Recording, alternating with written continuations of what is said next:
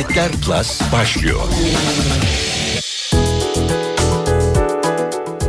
Türkiye'de devlet teşvikiyle yerli Facebook, Google kurulabilir mi?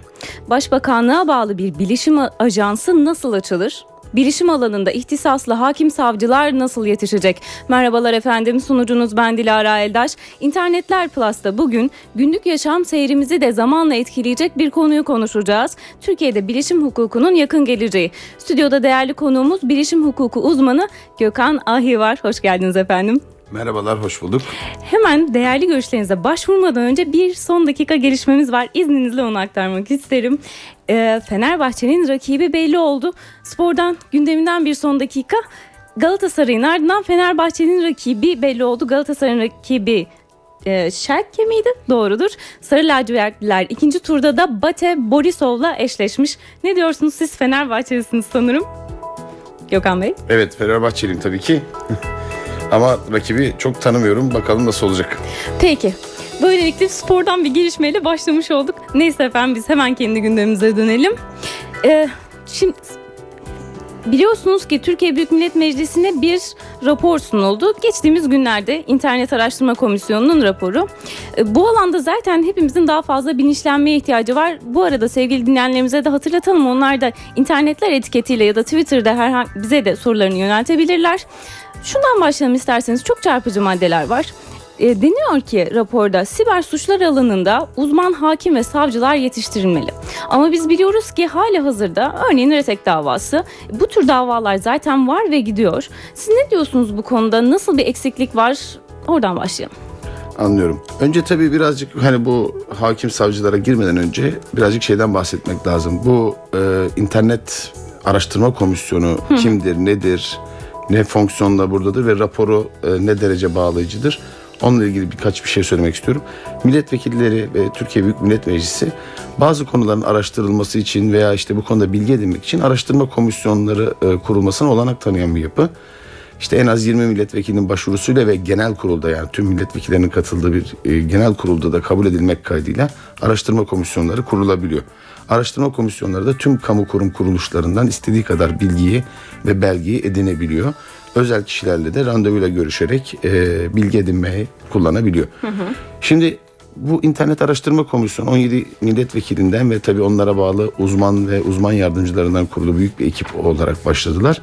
Ve neredeyse yani tebrik edeceğimiz bir konu neredeyse tüm internetin e, aktörleriyle ilgilileriyle birebir görüşmeler yaptılar, sunumlarını dinlediler ve ortaya bir rapor çıkardılar.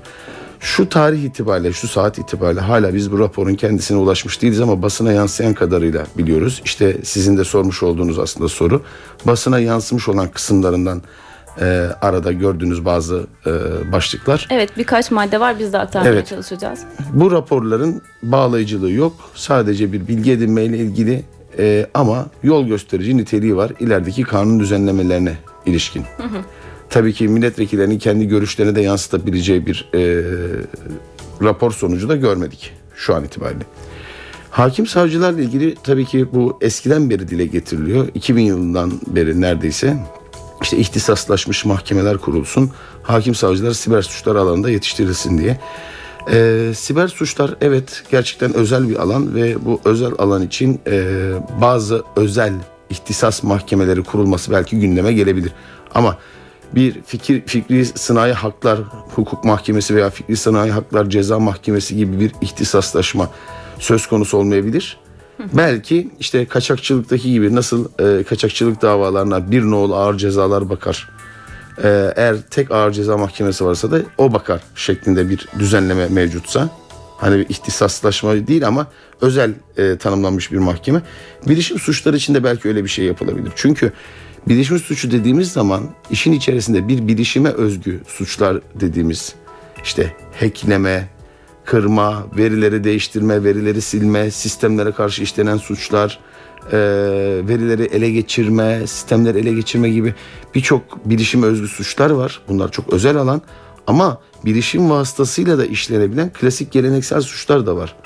Yani bunlar o kadar çok yoğunlaştı ki bugün e, sosyal ağlar herkes kullanıyor ve e, genel bir tanımla baktığınız zaman aslında bilişim vasıtasıyla işlenen suç işlemek e, mümkün. Mesela bir Facebook'ta veya bir Twitter'da. O yüzden bunun için böyle özel bir hakim, savcı yetiştirmek gibi bir e, ütopya çok da mantıklı değil. Zaten yani şöyle diyebilir miyiz?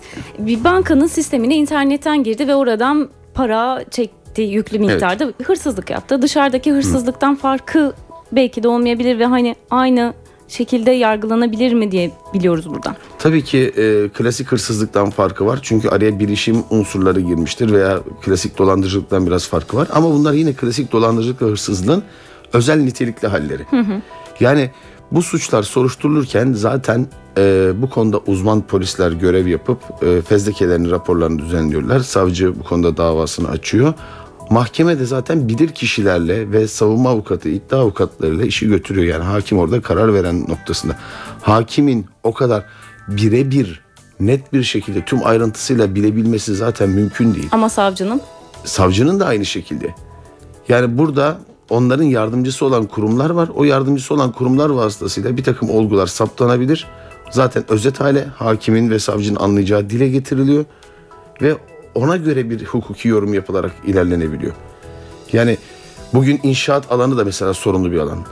O zaman inşaat hukukunu özel hakim savcı yetiştirmemiz gerekiyor.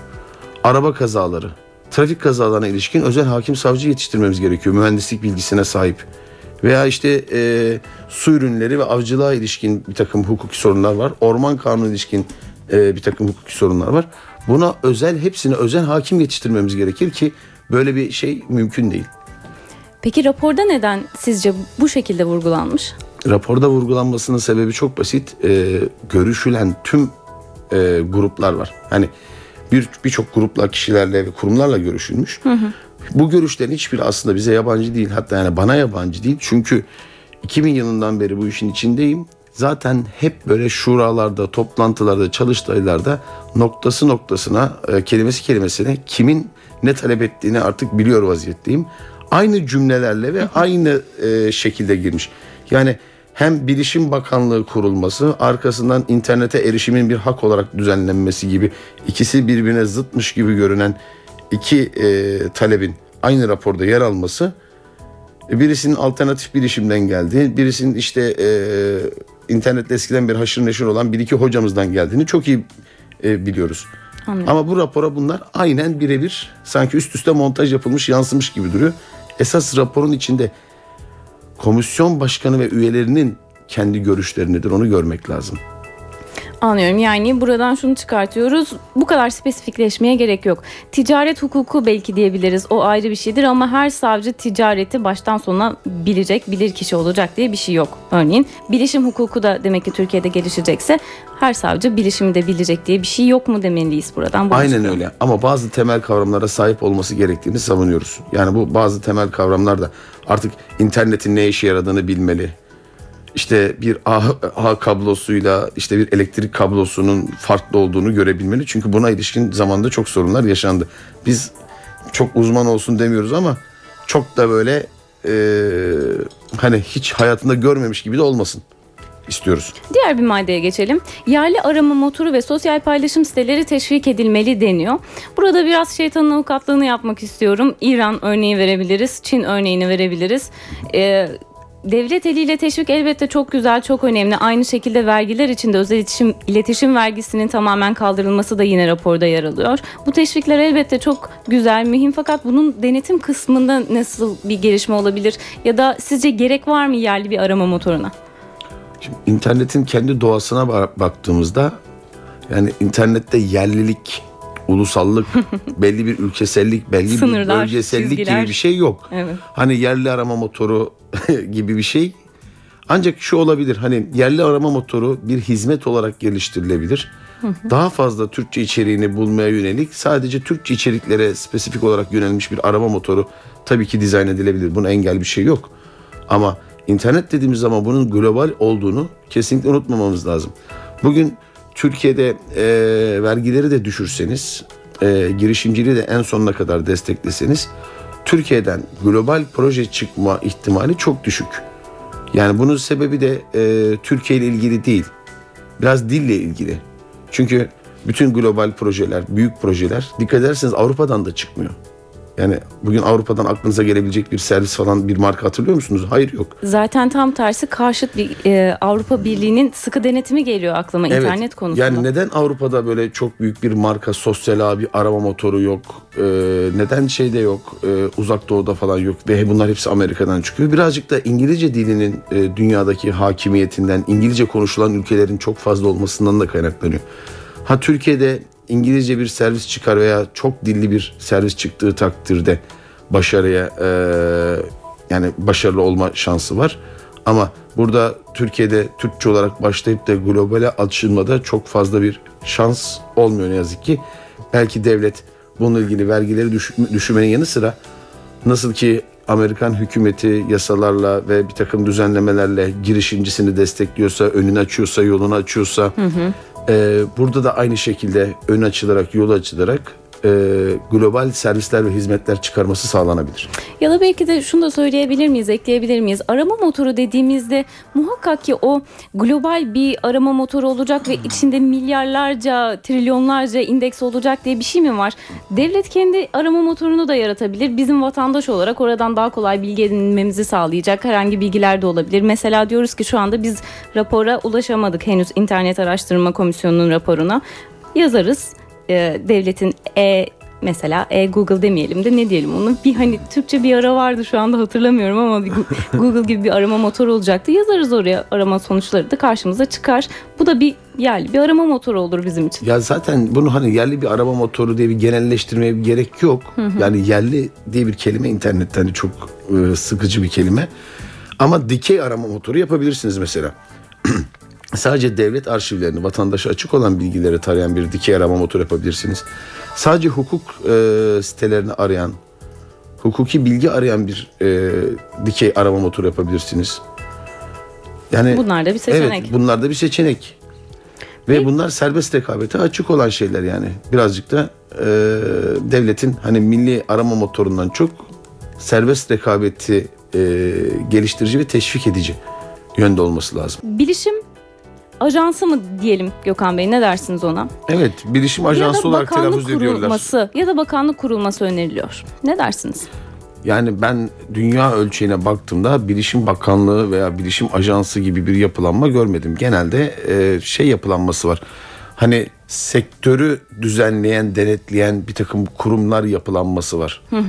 Ama hani böyle bilişim bakanlığı veya işte bileyim bilişim ajansı gibi bir yapılanma yok. Çünkü internet dediğimiz olgu veya bilişim dediğimiz olgu artık merkezi olmayan, e, sınırı olmayan bir yapı. bilişim dediğimizde sadece haberleşmeyle bunu sınırlandıramayız Tabii ki yani e, hayatın her alanına nüfuz etmiş bir e, teknolojiden Sadece bahsediyoruz. teknolojiyle sınırlandıramayız. Evet. Hiçbir şeyle sınırlandıramayız ve bu alandaki düzenleme ve denetlemelerin de belli bir spesifik e, konuyla sabitleyemeyiz. Yani ha- hayatın her alanına nüfuz etmiş olduğu için zaten ilgili bakanlıkların e, gerektiğinde bir takım düzenlemeleri veya önerileri oluyor.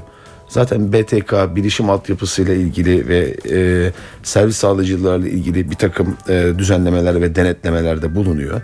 E, bunun için ayrı bir bakanlık kurulmasına gerek yok. Zaten merkezi bir yapıyı kaldırmaz internet. Her alanda ayrı ayrı zaten kendi gelişen bir olgu. Otonom bir yapı olabilir mi sizce? Hayır zannetmiyorum. Yani e, internet hiçbir yapıyı kaldırmaz. Yani evet yasalarla düzenleyip bunu e, sınırlara koymak anlamsız. E, yani şimdi düşündüğünüz zaman zaten kaotik bir ortam. Kesinlikle. Yani kaos barındıran bir ortamdan bahsediyoruz. Kaos barındıran bir ortamı ne kadar düzenlerseniz daha fazla kaosa yol açarsınız. Minimum düzenleme ve maksimum hareket alanı. Ama bu e, sınırsız bir özgürlük kullanımı veya başkalarının haklarına tecavüz veya suç işlem anlamında değerlendirilecek bir olgu değil. Minimum düzenleme, maksimum hareket alanı. Bu kendi kendine oturması gereken bir şey. Peki Avrupa İnsan Hakları Mahkemesi kararına dönelim. 18 Aralık, Aralık'ta yayınladığı tarihi bir karar var. Google.sites erişim engellemeye bu siteyle ilgili erişimle erişimle Ah, pardon çok özür dilerim. Buraya erişim engellenmesi söz konusuydu Türkiye tarafından. Fakat Avrupa Birliği dedi ki hayır bir saniye siz burada bir hak ihlalinde bulunuyorsunuz ve bu tarihi bir karar olarak nitelendirildi. Türkiye ne yapacak şimdi? Evet bence de tarihi bir karar. Birazcık kararın e, hafif bir geçmişinden bahsetmek lazım. E, bundan 4-5 sene önce sites.google.com adresine erişim engellendi ki bu e, adres aslında insanların kendi web sitelerini yapabilmesine olanak tanıyan WordPress'in ilk e, ilkel hallerinden birisi diyebileceğimiz Evet. bir e, yapıydı. Burada kendi web sitenizi oluşturuyorsunuz. Kendi fikirlerinizi, düşüncelerinizi veya işte yaymak istediğiniz şeyleri orada barındırıyordunuz. Yani e, temel amaç buydu. Fakat bir e, Atatürk aleyhine bir içerikten dolayı Denizli'deki mahkeme e, sites.google.com'a erişim engelleme kararı vermiş ilgili sayfaya. Fakat TİB'den gelen bir görüş biz URL tabanlı engelleme yapamıyoruz denildiği için tüm sites.google.com'a erişim engellenmiş. Bu arada tesadüf eseri ki aslında birkaç senedir de olmuyor çok şükür. Hani itirazlar kabul ediliyor. e, kapanan siteler tekrar açılması e, biraz daha kolay olabildi. O zaman itiraz da reddedilmiş. İtiraz reddedilince tabii ki iç hukuk yolları tükenmiş oldu ve iç hukuk yolları tükenmiş olunca Avrupa İnsan Hakları Mahkemesi'ne Avrupa İnsan Hakları Sözleşmesi'nin ifade hakkını düzenleyen, ifade özgürlüğünü düzenleyen 10. maddesinin ihlalden dolayı dava açıldı. Davanın sonucu işte 3 gün önce belli oldu ve davanın sonucu tabii ki bu kesinleşmiş değil. Daha bu büyük daireye çıkabilir. Türkiye hükümeti itiraz edebilir. Büyük dairede de görüşülebilir. Ama biz buna kesin gözüyle bakıyoruz artık. Ee, kararda Avrupa İnsan Hakları Sözleşmesi'nin 10. maddesinde yer alan e, ifade özgürlüğüne e, zedelediği için ve genel sistematik bir şekilde uygulanan erişim engellemenin de hukuka aykırı olduğu yönünde bir karar çıktı ki e, dün Yaman Hoca ile de görüştük. Yaman Hoca'nın da Yaman aynı zamanda Akdeniz. evet Yaman Akdeniz onun da bir e, davası daha var. O iki dava birlikte yürüyordu. Bunun için ayrı karar verildi. O da Last FM davası. Last FM davasıyla da bir iki ay içerisinde bir karar beklendiğini söyledi Yaman Hoca. Ee, bu kararlardan yani bu dünkü 3 gün önceki karardan çıkan en önemli sonuç da şu. Hakimlerden bir tanesi sistematik olarak ve kanunu düzenlemeyle erişim engellemenin artık bir alışkanlık haline geldiğini ve ifade özgürlüğünü ciddi ciddi tehdit ettiğini düşündüğünü yazmış. Eğer e, karar bu şekilde de çıktığı takdirde bu Türk hükümetine şu şekilde bir mesaj olacaktır. 5651'deki erişim engelleme ilişkili 8. maddenin kaldırılması gerek anlamında. 8. madde tam olarak ne der? 8. maddede erişim engellemeyi düzenleyen madde. İşte orada sayılı 8 tane suç var. Yani bunlar e, zaten Türk Ceza Kanunu'nda olan suçlara atıflar yapılarak bir de işte 9.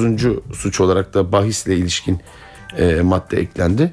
İşte çocukların cinsel istismarı, müstehcenlik, uyuşturucu için e, yer temini veya kolaylaştırma, e, Atatürk aleyhine işlenen suçlar gibi bir takım suçları e, barındıran sitelere erişim engelleme kararı çıkartılmasına olanak sağlayan bir madde. Ama yine de şunu söyleyebilir miyiz? Son birkaç yıldır hassasiyet biraz arttı diyebilir miyiz? Daha olumlu bir tablo var mı Türkiye'de? Sadece erişim engellenmesi dediğimiz vakit sitenin tamamına değil de içeriğin kaldırılmasına yönelik artık daha mı çok çaba var? Evet artık içeriğin kaldırılmasına yönelik daha çok çaba var.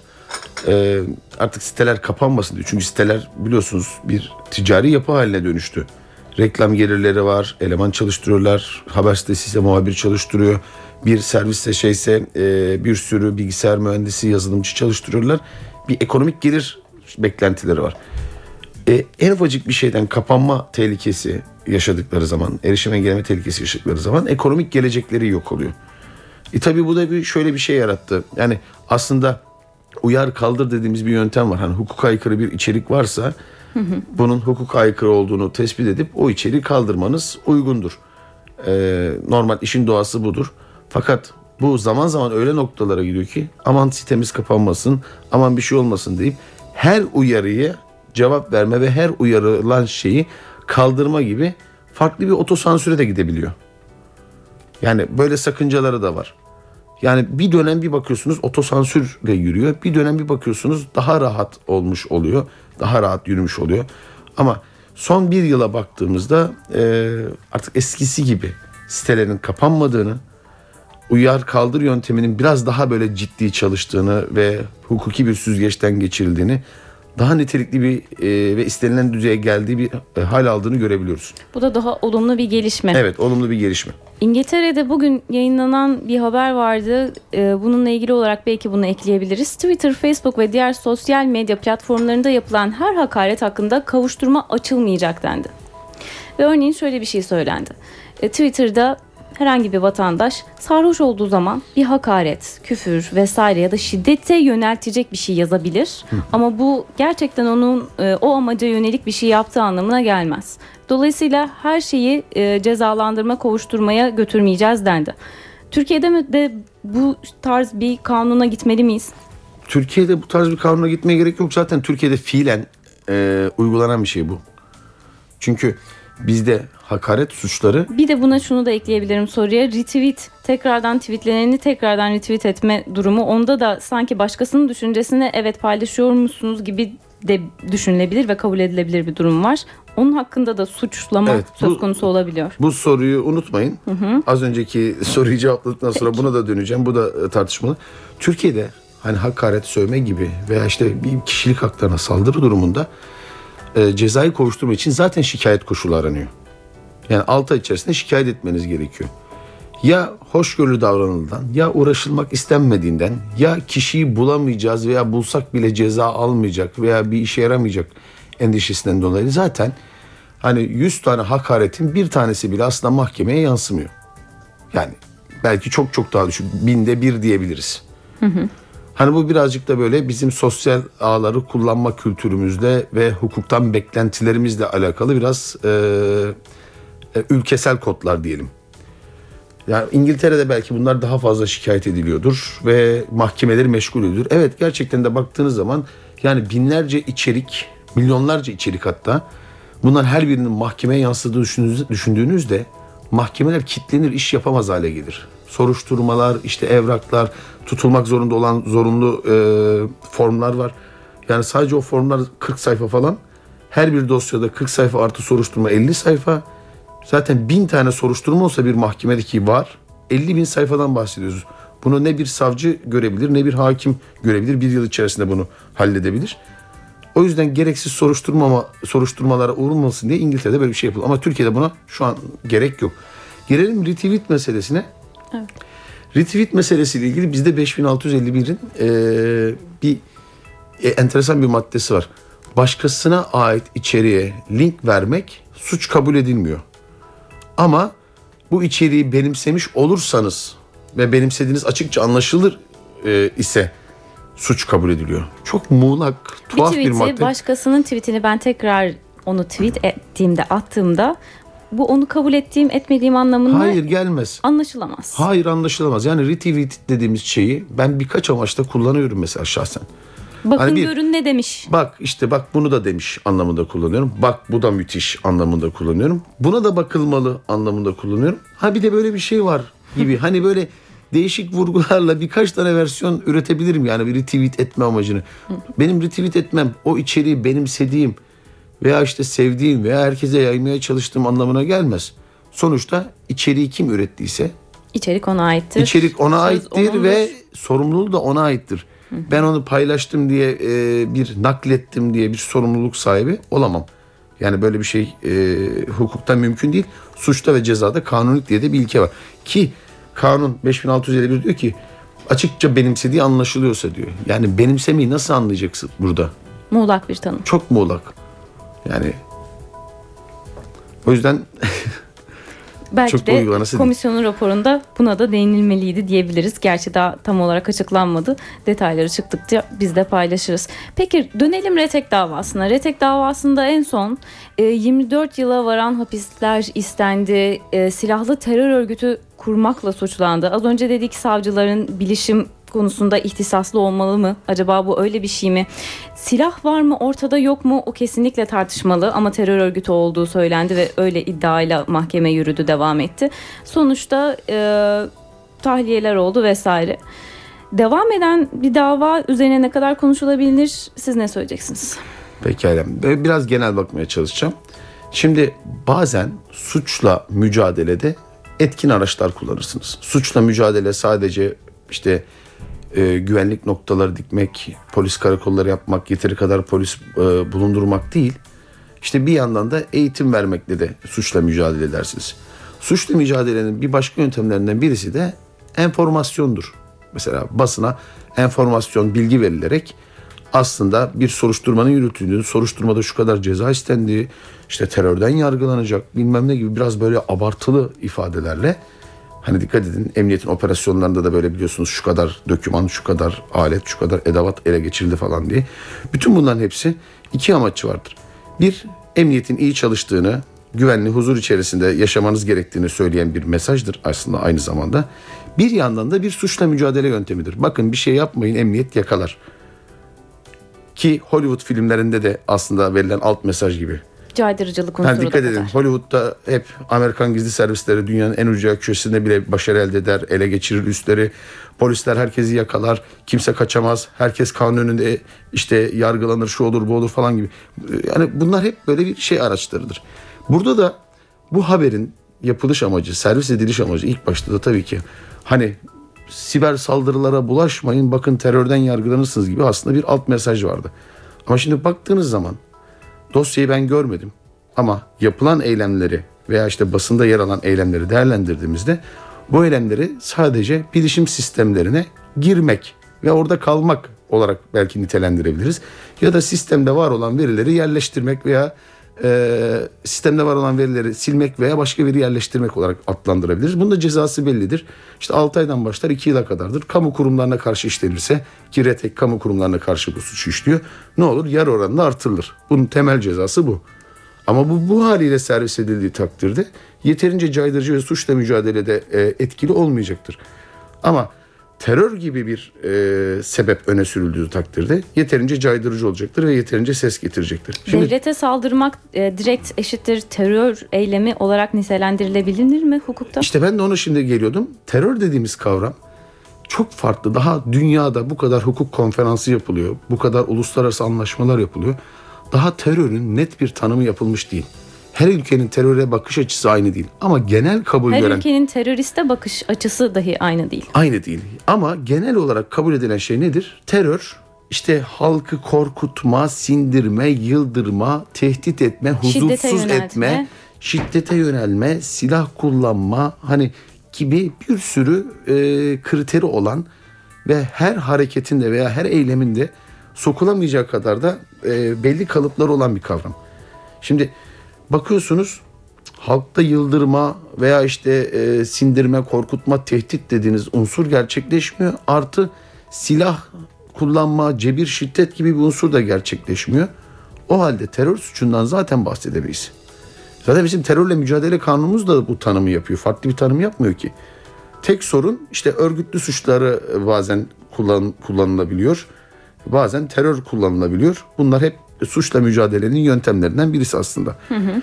Ve Red Hack olayında da dediğim gibi bilişim sistemlerine girme, orada kalma veya işte ne bileyim etkisiz hale getirme sistemleri yani kamu kurumlarına yapılan saldırının cezası yer oranda artırıyor. En fazla onunla yargılanabileceklerdir görüşündeyim. Eğer işin içerisinde silah veya Eğer işte ki- şey yoksa. Eğer ki RETEK e, terör örgütü ilan edildiği kabul edilirse resmi olarak e, bizim bir tane Twitter hesapları vardı kapandı daha sonra yenisi açıldı. Onları Twitter'da takip etmemiz bir suç unsuru olabilir mi? Hayır kesinlikle olmaz çünkü e, suçta cezada kanunilik dediğimiz bir ilke var. Anayasanın 38. maddesinde açıkça belli. Öyle bir Twitter hesabı devam eder mi varlığına? E, onu bilemem. O Twitter'ın kendi politikası ile ilgili bir şey. Twitter'ın politikası bazen şaşabiliyor ama Twitter e, kişisel veri paylaşımı gördüğü anda kapatıyor. Ki dün de e, dünyaca ünlü Anonymous grubunun e, duyuru kanalını yani duyuru Twitter hesabını kapattı. Kişisel bilgi paylaştın diye bu durumu düzelt diye de bir uyarı göndermişler. Dün internette yayıldı. Belki Retek'in ilk hesabı da e, bu biliyorsunuz konsolosların, diplomatların, e, yabancı misyonların kimlik bilgileri yayınlanmıştı. Ondan dolayı kapanmış olabilir diyoruz ama orada da yayınlanmamıştı. Daha önce de biz bunu bu programda Konuşmuştuk, konuşmuştuk. Evet. Biraz farklı politikalar da olabiliyor tabii. Ama genel olarak baktığımızda hani dünyada artık e, siber aktivizm denilen bir olgu olduğu.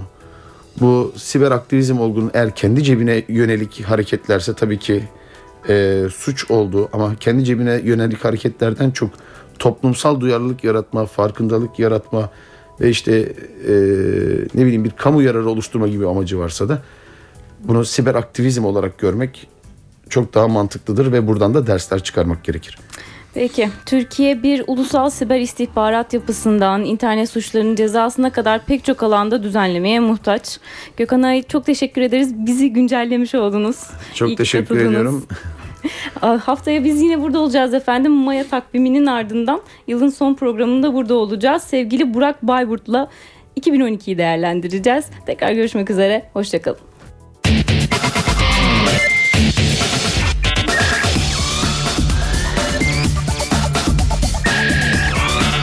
İnternette Plus sona erdi.